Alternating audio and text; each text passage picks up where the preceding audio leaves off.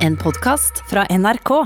Dagen i dag, altså torsdag den 28. mai, har i stor grad eh, handlet nyhetsdagen, får jeg si, har i stor grad handlet om eh, tilsettelsesavtalen til Nicolai Tangen som sjef for eh, oljefondet. Det har vært pressekonferanse og full dekning i alle kanaler.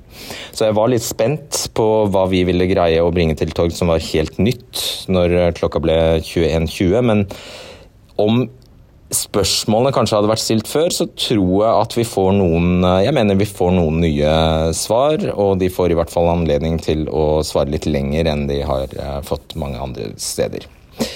Jeg vet at en sånn runde som dette her frembringer en masse følelser hos eh, publikum. Det kunne jeg se på sosiale medier etterpå. og der syns jeg at jeg ser at hvis man allerede har gjort seg opp en mening om at Nicolai Tangen er en veldig bra kar, at han fortjener jobben, og at uh, pressen bare bør slutte å uh, plage ham, ja, så liker man ikke den sendingen vi serverte i dag. Men igjen, da må jeg bare understreke at det er vår jobb å stille disse spørsmålene.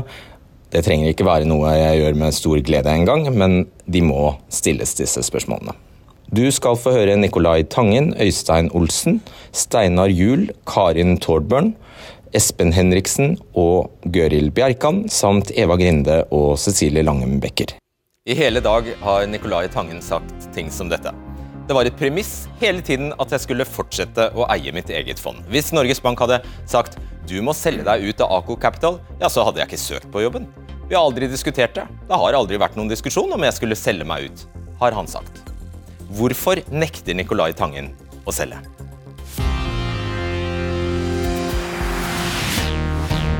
Velkommen til debatten. Ja, hovedstyret i Norges Bank har i dag ansatt ny sjef for oljefondet, Nicolai Tangen. Gratulerer med det. Tusen takk. Og ikke minst takk for sist sentralbanksjef. I måte. Du tåler, Det har vært en lang og stri dag, det er klar, men du tåler noen spørsmål til? Ja, ja, absolutt. Det er veldig bra. Den 26. Eh, mars annonserte Olsen at Tangen skal overtas som sjef for pengebingen vår etter Yngve Slyngstad. Det var en stor overraskelse for de aller fleste, for Tangen var jo en av Norges rikeste personer, hadde bodd i London i årevis og hadde bygget opp sitt eget vellykkede investeringsfond Ako Capital. Etter at den største overraskelsen hadde lagt seg, kom spørsmålene. Både om hvordan han hadde blitt ansatt, og hvordan Norges Bank skulle sørge for at alle interessekonflikter forsvant. I dag kom de foreløpig siste svarene, Eva Grinde og Cecilie Langem Becker. Hva er det vi fremdeles lurer på? Det vi fremdeles lurer på er jo, Finnes det egentlig en avtale som 100 eh, rydder unna alle disse interessekonfliktene knyttet til Tangen? Han vil fortsatt eh, ha god kjennskap til hvordan er disse AK-fondene investert, og dermed også hvordan eh, oljefondets investeringer eventuelt påvirker AK-fondets investeringer. Det andre er hvordan skal man skape tillit til Nicolai Tangen som oljefondsjef? Det er tross alt en kjempeviktig posisjon. Han skal være leder for en av de viktigste institusjonene, både symbolsk og økonomisk, i Norge. Mm. Grine.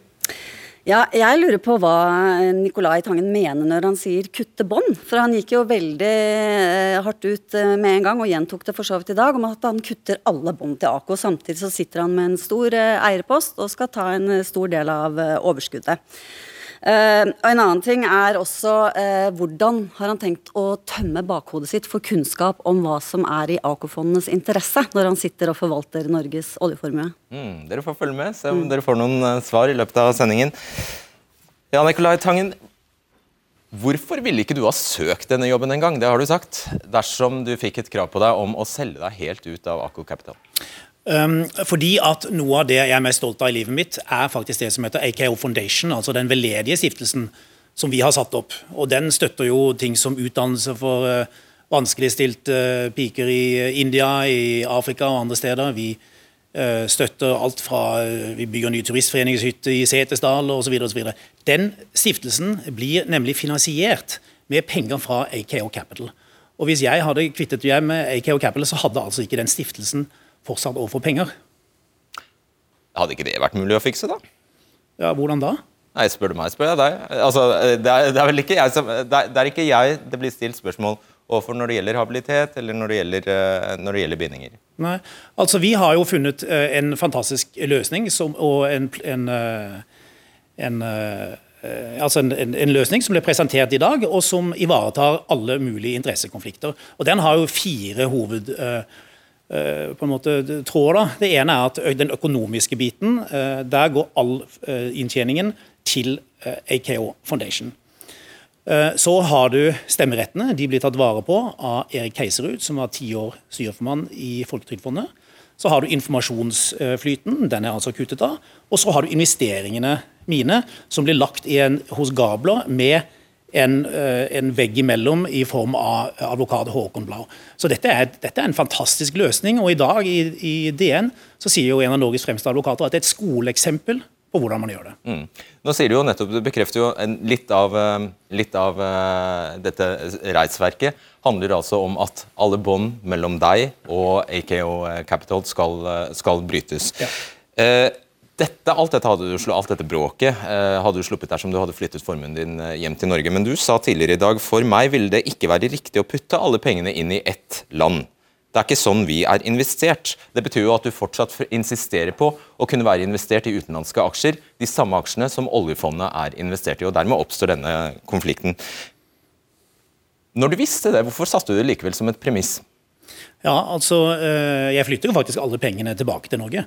Så alle fondsandeler og alle investeringer jeg har, eh, flytter jeg til Gabler og betaler formuesskatt av det. Ja, Men Så, eierandelene beholder du i AKO Capital, som er i London? Eh, ja, det er riktig. Så det, ja, det vil si at det blir jo da satt bort til Keiserud, og pengene derfra går jo da til denne veldedige stiftelsen.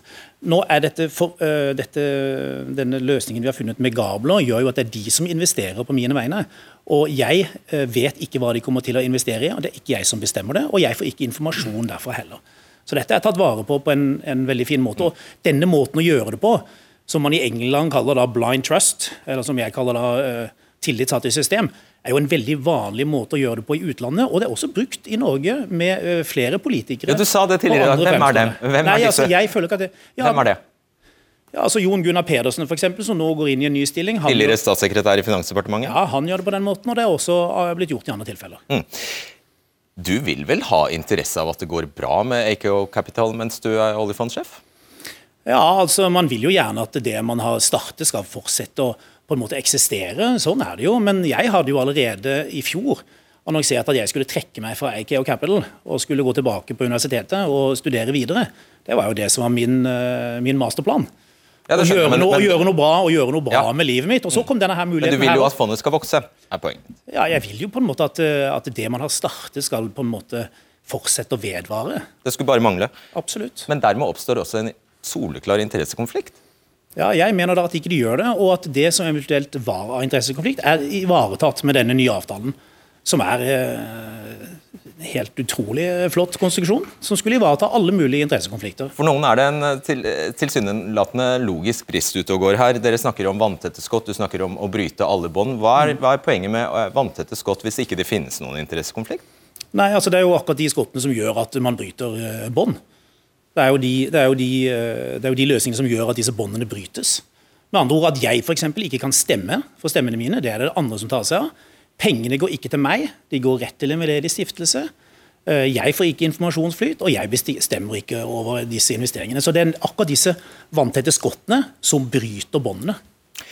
I de etiske retningslinjene til oljefondet står det ansatte kan ikke ha eksterne tillitsverv, biverv eller eierinteresser som er eller kan fremstå og være i konflikt med de interesser den ansatte skal ivareta som ansatt i Norges Bank. Og I kontrakten din fastslås at du har eierinteresser i AKO samt eierandeler i AKO-fond, og at det i utgangspunktet er en interessekonflikt, ifølge paragraf, i henhold til paragraf 9. Det heter seg at ny og endret styresammensetning i AKO-systemet, alt det du har nevnt ramset opp nå, disse fire punktene, at det vil sikre nødvendig uavhengighet, og at ikke uønsket informasjon tilflytter deg. Hvilken uønsket informasjon skulle det være?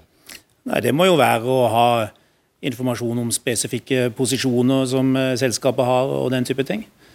Kan, Vil du oversette det for, eh, for, oss andre? Hva betyr Nei, Det betyr at jeg ikke skal ha innsikt i hva AKO er investert i til enhver tid. Du skal ikke vite. Det er helt korrekt. Ja.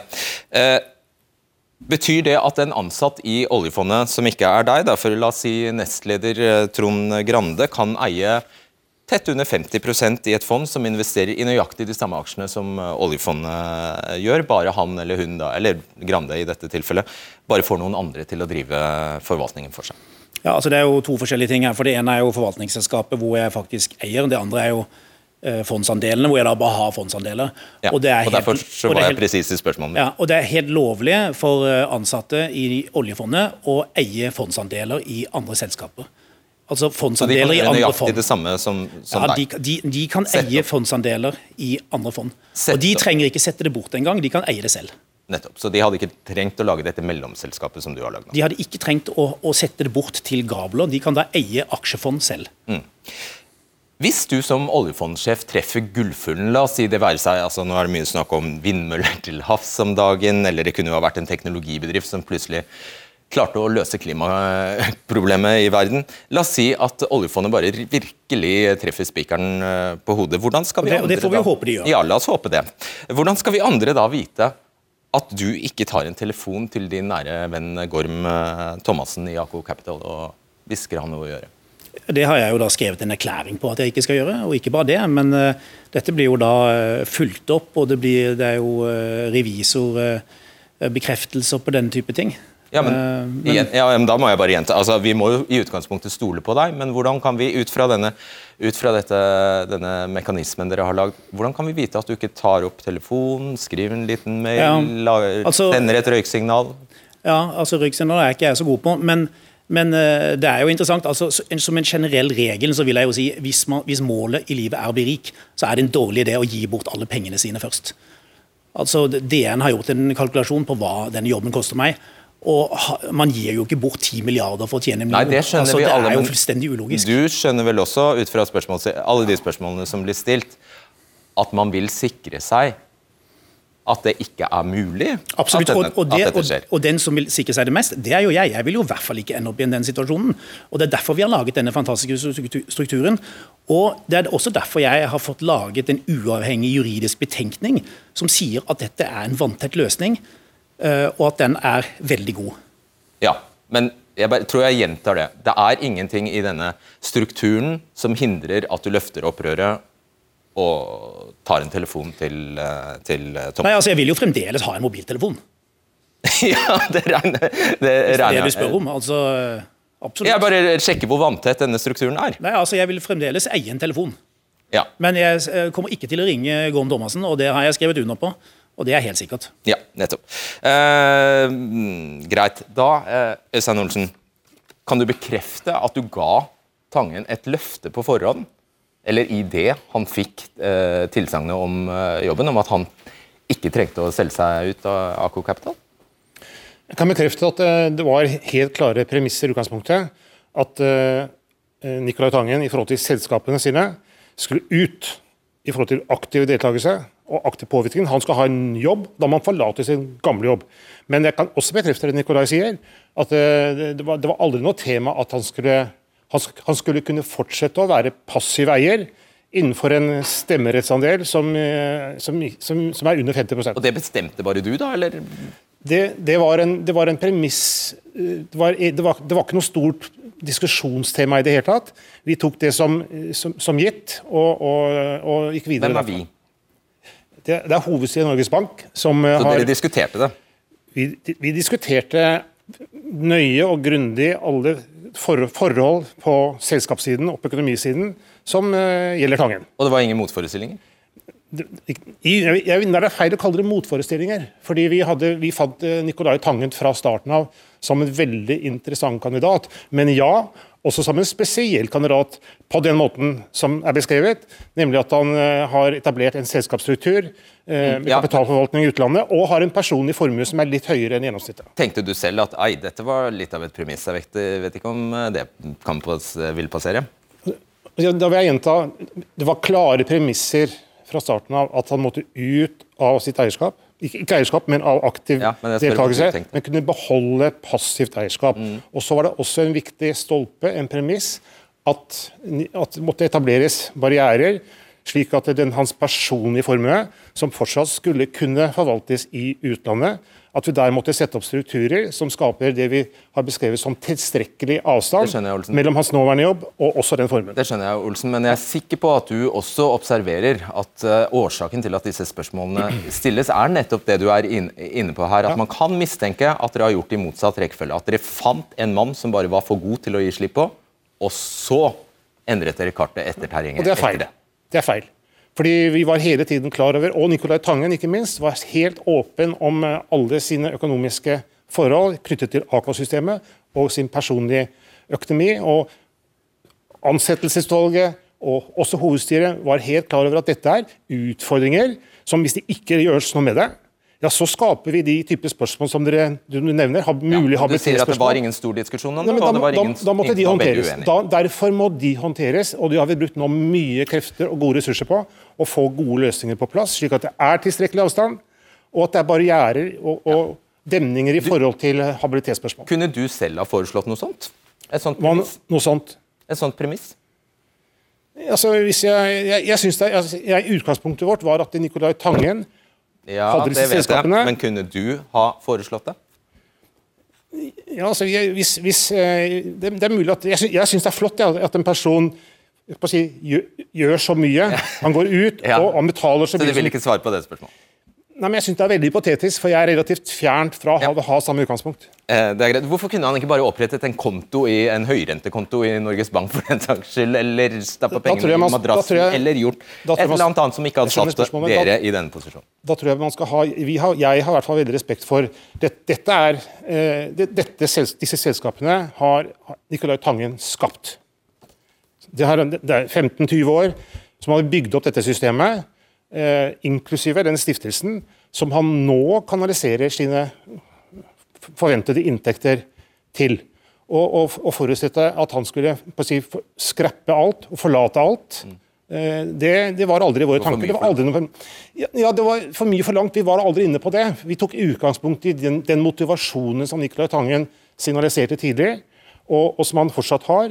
Nemlig at han er villig til å gjøre såpass mye som nå ligger av bordet, i forhold til eh, den, at han, han forlater sin gamle jobb, og han tar den nye jobben.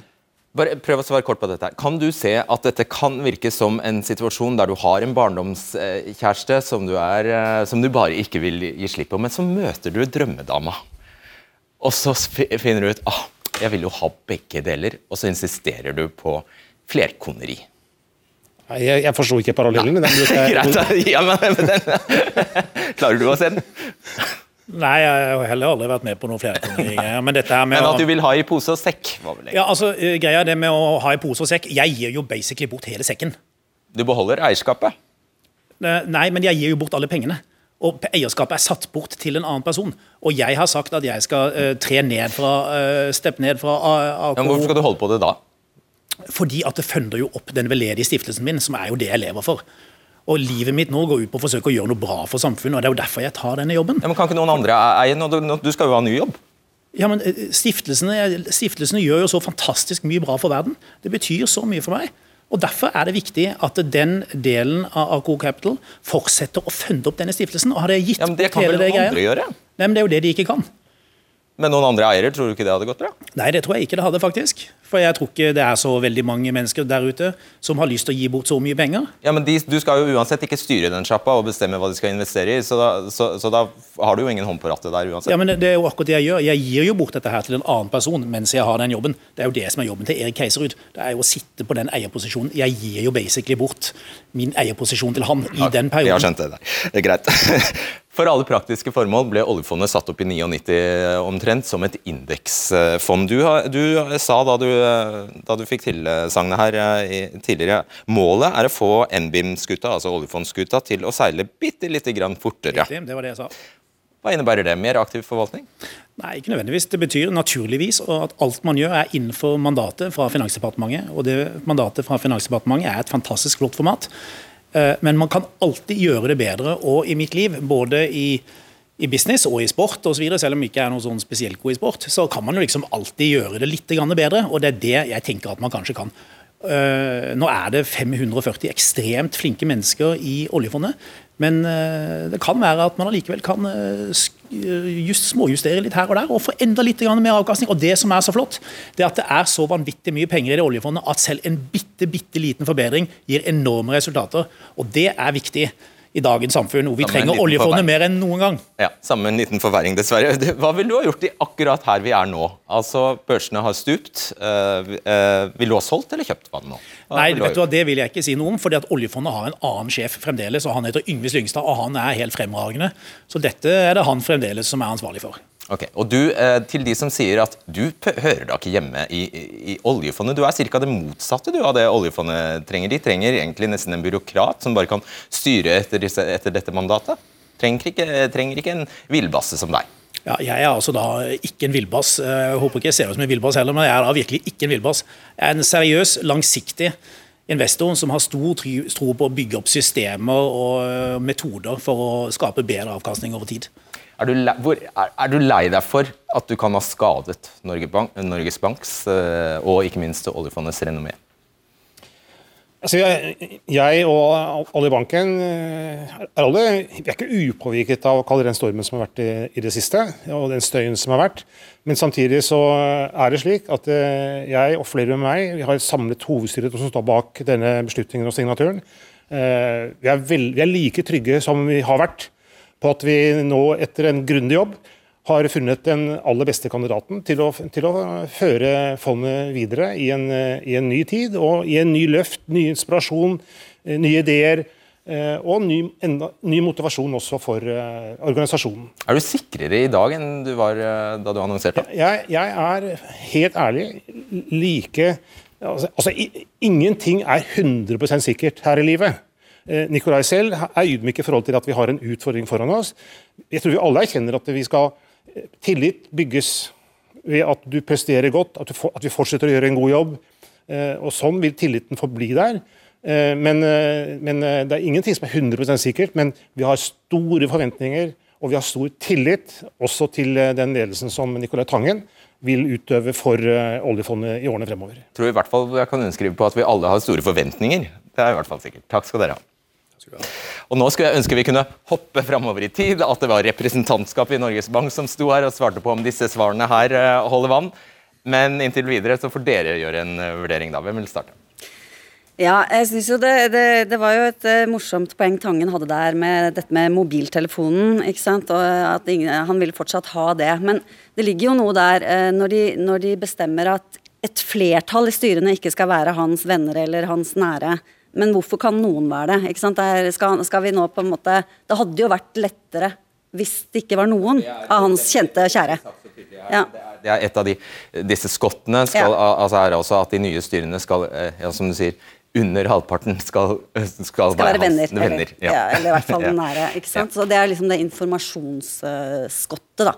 Så, sånn at eh, Det er bare én ting. En annen ting som man jo kan lure på, er at hvis det er helt vanntette skott, hvorfor hjelper det da å selge seg litt ned? Altså, er det sånn Eh, hvorfor, uh, hvorfor, spiller det da en rolle? For han har jo solgt seg litt ned på eierandel. Ja, fra 78 til 46, til 43. 43 ja, også fra 66 til 46 når det gjaldt uh, utbytte. Ja.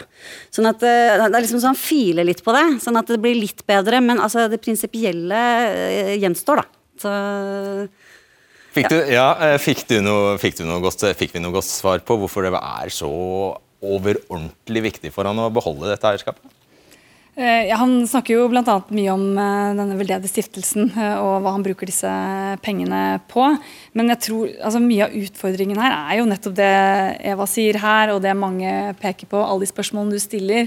Hva gjør det egentlig med tilliten til Norges Bank og til oljefondet? Og Grunnen til at, at jeg syns det er så viktig, eh, og at jeg, at jeg, nå gjentar det, det er jo fordi representantskapet i Norges Bank, som jo er tilsynsorganet, de har jo det som sin oppgave å ivareta omdømmet til Norges Bank. Så det kan jo hende at representantskapet syns at denne avtalen her er så god den kan være. Sannsynligvis kan den ikke være 100 at den kan rydde vekk alle interessekonfliktene, gitt den eierstrukturen som Men så, som er, så er vel alle enige om at eh, det er som han sier, han måtte jo vært to helt unnskyld uttrykket, kørka om han gikk hen og tok den telefonen til Thomas. Ja, og, og, og, og, Kanskje ikke utfordringen nødvendigvis er den veien at han kan, kan ta opp den telefonen og si at nå syns jeg dere skal gjøre sånn, men det at man hele tiden har det i bakhodet når man sitter eh, som oljefondsjef, at man vet at de beslutningene man tar, de kan påvirke eh, den formuen jeg har, som jeg nå ikke aktivt forvalter, men som jeg likevel uh, har et eierskap til. Veldig, veldig kort. Når du hører at det var nesten ikke noe diskusjon i hovedstyret om dette her med eierskapet hans, hva tenker du om det? Nei, da tenker jeg at eh, det, er, det, ligger veldig mye i det at det, det var et skikkelig varp. At, eh, at, Nicolai Tangen i det hele tatt tenkte på å ta den jobben. Og at da ble det om å gjøre å sørge for at han ikke trakk seg før det var for sent. Og så fant man ut at dette finner vi ut av. Eh, vi tar en råsjanse, og så ser vi hvordan det går. Og det, det er jo slående hvor utrolig selvsikre de er her, og hvor stor kontrast det er til hva en del kritikere mener om dette. Sånn at altså Hvis noen skal prøve å stoppe Norges Bank nå, så, så blir det bråk. Vi skal i hvert fall sørge for at noen av de kritikerne kommer til lure nå. Takk skal dere ha.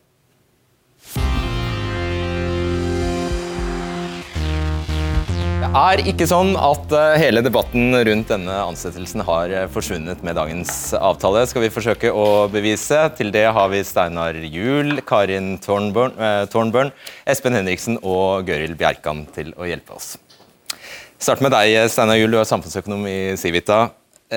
Nå skal han fremdeles være største eier i Aco Capital, 43% Nicolai Tangen, ned som vi skjønte fra 78 eller noe sånt nå, prosent. På hvilken måte, og jeg bare egentlig gjentar det, det um, Grinde sier her, på hvilken måte det skaper det noe skott? Ikke de alene, men du må se på hele pakken her. hvor det er Han eh, får ikke eh, dominerende eierinnflytelse, eller får ikke, får ikke majoritetsinteresse. Eh, de lager alle disse avtalene med skott og informasjonsflytt og greier. Og det er slik at også det som ikke er kommet så mye frem, det er at når man leser eh, avtalen, så også, gjør de også endringer hos AKO. Eh, de ansatte hos AKO eh, må, må, må, må undertegne på en taushetsplikt at de ikke har lov til å ha kontakt med Tangen. Uh, og, Det betyr at hvis den berømmelige telefonen din skulle bli tatt De tar ikke så, det, De har fått beskjed om å ikke ta telefonen. Ja, og vi, så, så, ville, så vi, jeg hadde fått den telefonen og vært i så ville jeg med en gang løpt til uh, kontrollorganet og sagt at hør her, her skjer det noe. Ja. Det er, og dette, dette, dette, skal kontrolleres uh, sånn som det er beskrevet i, i dokumentene, så skal dette kontrolleres også hjemme. Så hvis du skulle oppsummere? Jeg syns dette, eh, dette, er en veldig god avtale. og, og den, Man lager altså skott på begge sider, i viss forstand. Eh, som man prøver å sikre seg. Og, og, gjennom den eierskapsbegrensningen som eh, Det er liksom en del av det hele. Ja. Eller eierskapsreduksjonen. Skjønner. Espen Henriksen, du er førsteamanuensis ved Handelshøyskolen BI. Er du enig? Ja, jeg er vel jeg er bare i noen grad enig. Altså, men jeg må vel innrømme at jeg tror dette virker bare unødvendig vanskelig.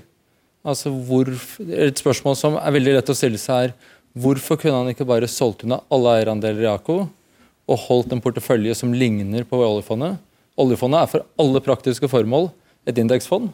Så kunne han da valgt aksjeandelen sin selv, men da bare alle, overført alle pengene til eh, dette indeksfondet. Og det ville aldri vært noen spørsmål om interessekonflikter. Vil du prøve å svare på det? Han ga jo egentlig, han snakket om noe veldedige og gode formål. Ja, altså, han, han, eh, altså nå, nå, nå, brytes jo båndene slik at uh, Tangen selv vil ikke vite hvordan investeringene vil skje. Verken hans private formue, som kan gi via Gabler, uh, og han vil ikke ha noe bånd heller til Ako. slik at, uh, slik at det starter da med den formen han har nå, og så vil, eh, vil, det kanskje om fem år, når eh, han eventuelt uh, slutter Det er jo femårskontrakt han har, som kan fornyes igjen. Han kan søke igjen. Så, så, så, så, kan han ende opp med å komme hjem og se, komme og se det. oi, nå var formuen plassert helt annerledes. Kanskje bare norske aksjer. for en skyld. Formuen kan for alt han vet forsvinne? Ja, man vet aldri. ok, hva kan dette få, altså, hva kan dette, dette er nesten det viktigste spørsmål. Hva kan dette få å si for våre pensjonspenger? Tror, ja, for det er det virkelig store spørsmålet. Og det er vel det som debatten da virkelig ikke har tatt fatt i. Og hvor man har i altfor stor grad sett på debatten som om vi ser på dette fondet fullstendig i isolasjon. Og det er veldig viktig å forstå at å forvalte et hedgefond eller forvalte et aksjefond og lede oljefondet er to vidt forskjellige ting. Skal vi prøve å forklare veldig kjapt hva et hedgefond er? Et hedgefond har mulighet til å ta store veddemål på enkeltaksjer. De kan til og med ikke bare ta store veddemål på enkeltaksjer eller på valuta eller på råvarer, men de kan til og med gå såkalt short. Altså at de eier negative eierandeler. De, har helt de satser på at en aksje kommer til å droppe? Eller det, er, det er det der, er, ja. ja. Og, For eksempel, det, og Ako Capital er, er, tilhører, sorterer uh, under Denne paraplyen. Denne paraplyen hedgefond, mens du har i motsetning til det et fond som oljefondet som bare skal følge en indeks. altså klare å slå snittet. Ja, så Her er det to poeng. Det ene er liksom bare hva indeksfond, og det er jo liksom denne vidunderlige historien om det norske oljefondet. Altså Nå, er det, nå har moren min indeksfond, det er noe som alle vet hva er. Men da man satte opp og begynte å kjøpe aksjer i oljefondet i 1999, at det da var noen hardt arbeidende, lettere nerdete byråkrater i Finansdepartementet som leste inn finansteori, og valgte da istedenfor å gå for en hedgefondstrategi eller å la, sette bort pengene til noen rike personer for at de skulle forvalte dem for oss, valgte å si Se her, Læreboka forteller oss at, at indeksfond er veldig fornuftig, og de setter opp dette som indeksfond. Mm. Men hvorfor er indeksfond så viktig? Eller hvorfor er det så lurt? Jo, fordi det er nettopp, og det som er mye av debatten her i dag, fordi det skaper tillit. Altså Det er både har gitt oss overlegen risikojustert avkastning, altså er det beste, men det har også skapt tillit, og det har også muliggjort Og Hva har dette med Tangen å gjøre? Det er at det er ikke helt åpenbart at Tangen er den rette personen til å lede fondet. Altså, det er det vi ikke har fått svar på. Altså, en Pent mulig at han er det. Han er en fabelaktig dyktig fyr som hedgefondforvalter. Men verken Øystein Olsen eller Tangen selv har fortalt liksom, sagt Tangen sa det nå helt på tampen. Altså, han var kjempekjedelig. Han sa han var veldig konservativ og kjedelig. Ja, så sa han noe pent om mandatet, men før det så har de ikke hatt en, de har hatt muligheten veldig veldig mange ganger. Men de har ikke sagt liksom, vi, hvorfor er mandatet bra, hvor er verdiskapningen fra fondskonstruksjonen, eh, hvorfor er tillit så viktig. Ja. ja nettopp. Gøril Bjerkam, du er økonom, jurist og tidligere sittet i hovedstyret i Norges Bank. Du mener interessekonfliktene slettes ikke er løst, selv ikke etter dette? Nei, øh, og grunnen til det er det noe dere har vært inne på tidligere. Altså Det grunnleggende problemet består, og det er at uh, Tangens penger og NBIMs penger er investert i de samme aktiva, altså i det samme investeringsuniverset. Uh, og i henhold til uh, forvaltningsloven, som Tangen og oljefondet er underlagt, så er dette et særegent forhold som er egnet til å svekke tilliten til hans upartiskhet. Så det er, ikke, det er nok at det er egnet til å svekke tillit. og det, alt det vi har snakket om i dag. Og Dette også, oppstår ved at han fremdeles eier Nettopp. Det eh, oppstår eh, ved kun det faktum at uh, NBIMs penger og Tangens penger, private penger, mm. er investert i det samme investeringsuniverset. Så det løser han ergo kun på en måte? ved å selge seg ut og følge Slyngstad-modellen, som var å ta alt. Eh, ja, Hva var det Slyngstad gjorde igjen? Han har kun investert i norske aksjer. Ja, men det kommer ikke på tale, sa Tangen. Nei. Og det er jo det interessante ved denne beslutningen i hovedstyret, som de fatta 24.3. Der har de vedtatt å tilby Tangen jobben med det premiss at han skulle fortsette å beholde AK Capital, men uten at de har utredet de nærmere habilitetsmessige konsekvensene ja. av det vedtaket. mener du de har gjort noe galt? Mener du de har brutt loven? Ja jeg, har, eh, ja, jeg mener at det er eh, et uh, brudd med forvaltningslovens paragraf 17. Plikt til å utrede Plikt til å påse at saken er så godt opplyst som mulig før vedtak treffes. Og det, det er jo slik at det å ansette ny sjef for NBIM er det viktigste den viktigste beslutning dette hovedstyret gjør i, i denne perioden. Og, og, av det som er offentliggjort av informasjon, det er mulig du vet mer, eh, Steinar Juel, uh, det de gjorde av eksterne utredninger før 24. mars-vedtaket, det var å få Visholm, advokatfirmaet Wiersholm til å undersøke hans skattemessige posisjon. Altså ikke denne interessekonflikten? Nei, interessekonflikten okay, er, da, er, ikke, er, da avtalen, er da avtalen i seg ansettelsesavtalen er den ugyldig, den da? Ja, jeg mener man kan eh, argumentere for at den er ugyldig. Og det er litt viktig å ha med seg. For i dag så hørte vi på pressekonferansen at um, sentralbanksjef Olsen gjentok at dette, det å ansette sjef for NBIM, det tilligger hovedstyret. Punktum. Men det er faktisk slik at dersom hovedstyret har brutt en, en overliggende norm, altså forvaltningsloven, som de er underlagt, eh, så er ikke dette bankens beslutning. Og, og, så, så, og Poenget mitt, og det er litt viktig å få frem, det er at representantskapet har med dette et verktøy, eller noe å henge det på, dersom de ønsker. Så vil vi gjenstå Ja. å se om de ønsker det. Og fordi uinnvidde, eller det vil si for oss alle, NBIM, er altså Norges Banks Investment Management, med andre ord oljefondet. Oljefondet, ja. vi kan like gjerne si det. Du hadde en kort eh, Ja, replikk. ja, altså jeg, jeg, er uenig i det du sier. For de, har jo, de hadde jo før ansettelsen ble offentliggjort i mars, var det? 24. mars. Mars, så hadde de også kartlagt interessekonfliktene og det som var der. Og de, de hadde laget en skisse for hvordan de kunne tenke seg å løse dette. Og Den skissen den finner man bl.a. i hovedstyrets svar til representantskapet eh, 29. april. tror jeg. Så du mener det, det, du avviser at det er brudd på Ja, forvaltningsloven? ja, ja, jeg kan ikke skjønne det. for det, De har gjort en grundig jobb, men detaljene kom nå. Men de detaljene som man har nå i avtalen, de er i helt i tråd med det som er skissen man hadde den gangen. Vi utreder ikke forvaltningsloven nærmere på dette tidspunktet, fordi vi må ha inn eh, eh, Karin Torburn, du er med oss eh, fra Bergen. Du er finansprofessor ved Norges handelshøyskole og ekspert på eierskap. Vil du si at alle båndene mellom Tangen og AK nå er brutt, slik de bedyrer? da? Eh, Så godt som det går å bryte, skulle jeg si. Men jeg skulle først vilja kommentere det låter som at Garil Bjerkan blander ihop Tangens egen formue, som jo kommer å forvaltes av Gabler, og hans eierskap i AK Kapital. Och det är ett förvaltningsbolag, så han äger ju inte själv AK-fonderna, utan det är ju till exempel Agder Energis pensionskapital och andra investorers kapital. Eh, Så, att, så man skal ikke blande ihop de två. Nei, og, Da, igjen, jeg kniper deg der, er, vi må klare å henge med. Mm. er det da ingenting som er problemfritt her? Eller som er eh, Nei, det blir feil. Er det noe som er, problem, eh, er, det noe som er problematisk? Det, det är klart att du kan aldri gjøre en løsning som er 100% men jeg mener at denne løsningen er så god som man kan gjøre det. Man har satt en mellommann mellom honom og både AK Kapital og hans egen formue som skal forhandles av Gabler. Han kommer ikke å ha noen innflytelse. han kommer ikke selv å få informasjon. Og Derfor er det veldig svårt å forstå hvordan han skulle kunne eh, styre hva som pågår eller fatte beslutninger for oljefondet som, som han skulle gjøre for å indirekt påvirke kapitalet som andra förvaltar åt honom. Som du sa tidigare, han har gett bort nycklarna och jag tänker att det är så vattentätt som det går att göra. Ja, Men han har mobiltelefon fortsatt.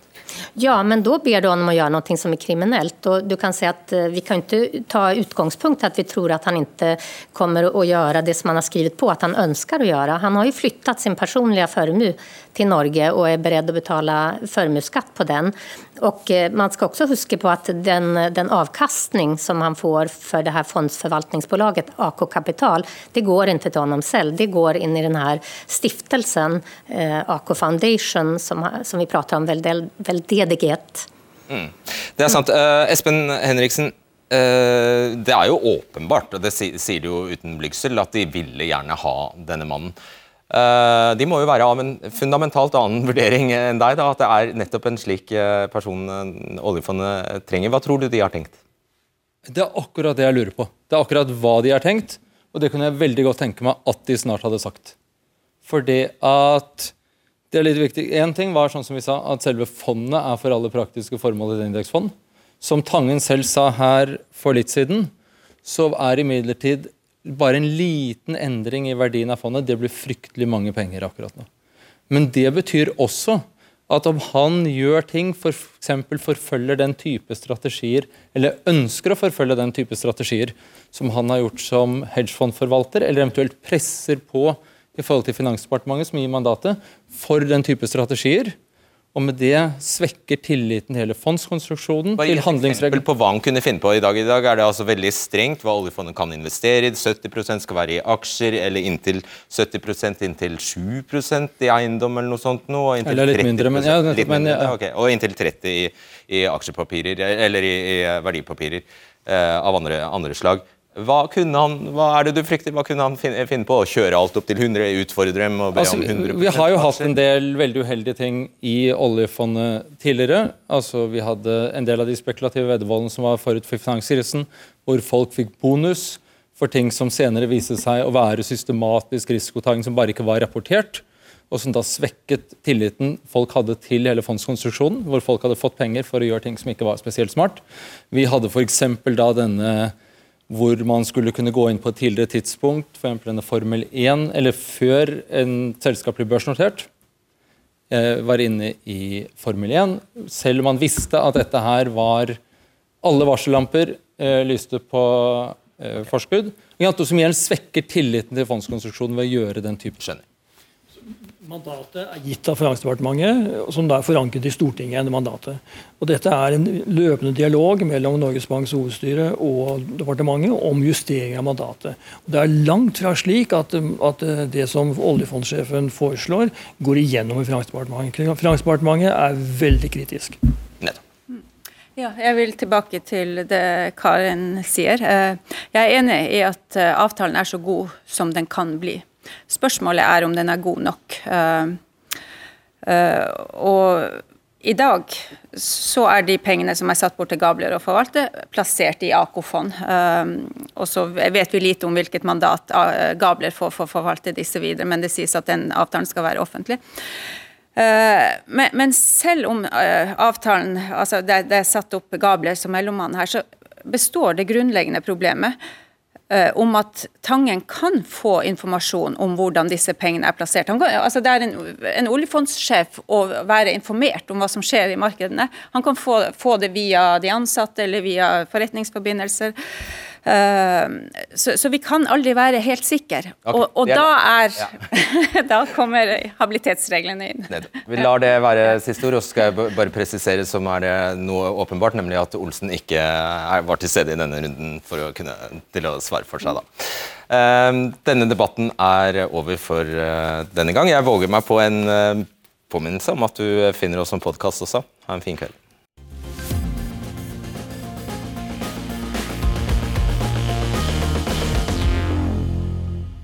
Jeg tror egentlig alle som var med i dagens debatten var eh, ganske fornøyd med egen innsats og med hvordan dette gikk.